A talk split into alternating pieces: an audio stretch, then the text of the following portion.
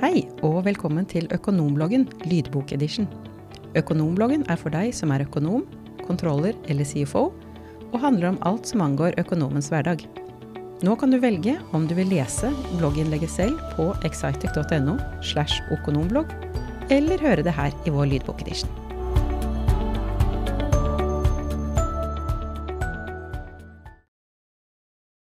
Prognostisering i usikre tider. Dette blogginnlegget har tema prognose og budsjettering, og er skrevet av Johan Kallblad, konserndirektør i Excitec.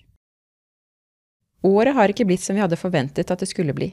Den forrige usikre bølgen, pandemien, var akkurat på vei til å stabilisere seg, så kom krig i Europa, høye strøm- og bensinpriser, og renta går stadig opp. Derfor er økonomisk prognostisering et høyst aktuelt emne i år også. Johan Kallblad, konsernsjef i Excitec og daglig leder i Excitec Sverige, forteller om modellen de benyttet seg av under covid-19-pandemien som slo til våren 2020. Prognostisering Wikipedia sier Ordet fra prognose kommer fra gresk og er sammenfattet av pro, før, og gnosis, og vite, det vil si vite på forhånd. Vår nærmeste relasjon til prognostisering er nok værmeldingen for de fleste av oss. Denne prognostiseringen hjelper oss å forutse forholdene for aktiviteter i hverdagen. En deilig sommerkveld med planer for en grillmiddag ute kan lett bli forstyrret av regnvær. Vi kan ikke endre været, men vi kan være forberedt og ta med en paraply. På denne måten kan prognoser være et verktøy for å redusere usikkerhet. Det finnes likhetstrekk mellom en værprognose og en økonomisk prognose, men det er også en viktig forskjell. Den økonomiske prognosen kan faktisk forme framtiden ved å gi riktig grunnlag for beslutninger. Ved hjelp av prognoser kan økonomisjefen bli synsk, med sin prognose som en krystallkule, hvor framtiden ikke er statisk, men kan påvirkes. For å gi et reelt eksempel på dette forteller jeg hvordan vi gjorde det da pandemien begynte å prege næringslivet i Sverige våren 2020. Jeg stilte meg selv spørsmålet hva gjør en administrerende direktør i denne situasjonen? Vel, du går til økonomisjefen og spør hva de synes om situasjonen, og så googler du litt. Jeg fant blant annet en manual om hvordan man overlever en finansiell tsunami, skrevet av BCG, Boston Consulting Group. I rapporten sier de at du bør fokusere på styrken til virksomheten din, se på scenarioene, se på likviditeten din, se på offentlige programmer for støtte, og deretter implementere det du har konkludert med at du bør gjøre. Jeg holdt meg spesielt i delen om fokus på styrke, men følte at denne metoden føltes litt for generisk, og ønsket å gjøre noe mer presist. Så her kommer modellen vi har brukt i den tiden covid-19 så langt påvirket oss mest. 1. Formuler dine hypoteser. Vi lagde tre scenarioer. Basisscenario var basert på dataene vi så der og da. For enkelhets skyld sier vi at det ville vært å ha fått inn 60% mindre salg. I tillegg lagde vi et positivt og et negativt scenario med henholdsvis 40% og 80% færre salg i stedet. 2. Definer målepunktene dine. Tenk igjennom hva du skal måle for å vite om hypotesene er riktige, og om du har et positivt eller negativt avvik brukes for å bekrefte eller endre hypotesene. 3. Beregn konsekvensen. Beregn og visualiser scenarioene dine.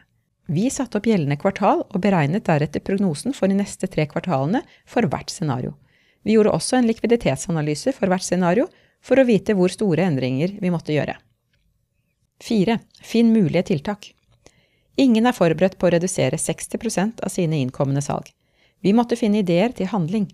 Vi listet opp ti tiltak, samt hvor mye penger de ville gi umiddelbart, hvor mye de ville gi totalt for 2020, når vi måtte ta en beslutning om å gjennomføre tiltakene, og hvor raskt tiltakene ville gi effekt. I tillegg gjorde vi også en viss vurdering av om tiltakene ville påvirke kulturen i selskapet vårt negativt dersom det ble gjennomført. 5. Velg tiltak og visualiser. Prioriter tiltakene, velg tiltakene du skal ta i bruk, og visualiser effekten. Vi valgte ut fem tiltak vi ville gjøre, og markerte tre som kanskje.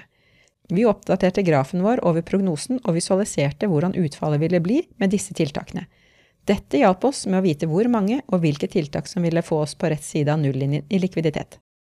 6. Driv virksomheten og oppdater løpende. Til slutt, viktigst av alt, gjennomføre endringene og drive virksomheten fremover. Vi gjorde hyppigere oppfølging for å kunne se effekten av arbeidet vårt kontinuerlig. Prognostisering hjalp oss med å ta gode beslutninger og guidet oss fremover gjennom den hittil mest utfordrende delen av pandemien. For oss havnet vi nærmere vårt positive scenario, Noe som gjorde at vi våget å lansere flere av våre tidligere påbegynte og planlagte tiltak, eksempelvis et trainee-program med 31 nye kollegaer og en børsnotering. Bruk data til å ta kontroll over det som kan kontrolleres, og for å unngå panikkbeslutninger. Riktig verktøy gjør jobben enklere. Excel er et flott verktøy for mye, men ikke optimal for tre parallelle prognosescenarioer med målepunkter som du oppdaterer annenhver uke.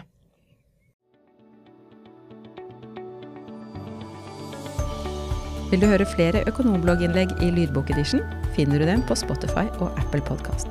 Du kan også abonnere på Økonombloggen i den skrevne utgaven og få den tilsendt på e-post når et nytt innlegg publiseres. Takk for at du hørte på Økonomblogg lydbokedition. Du finner mer informasjon for økonomer og andre tema på excitec.no.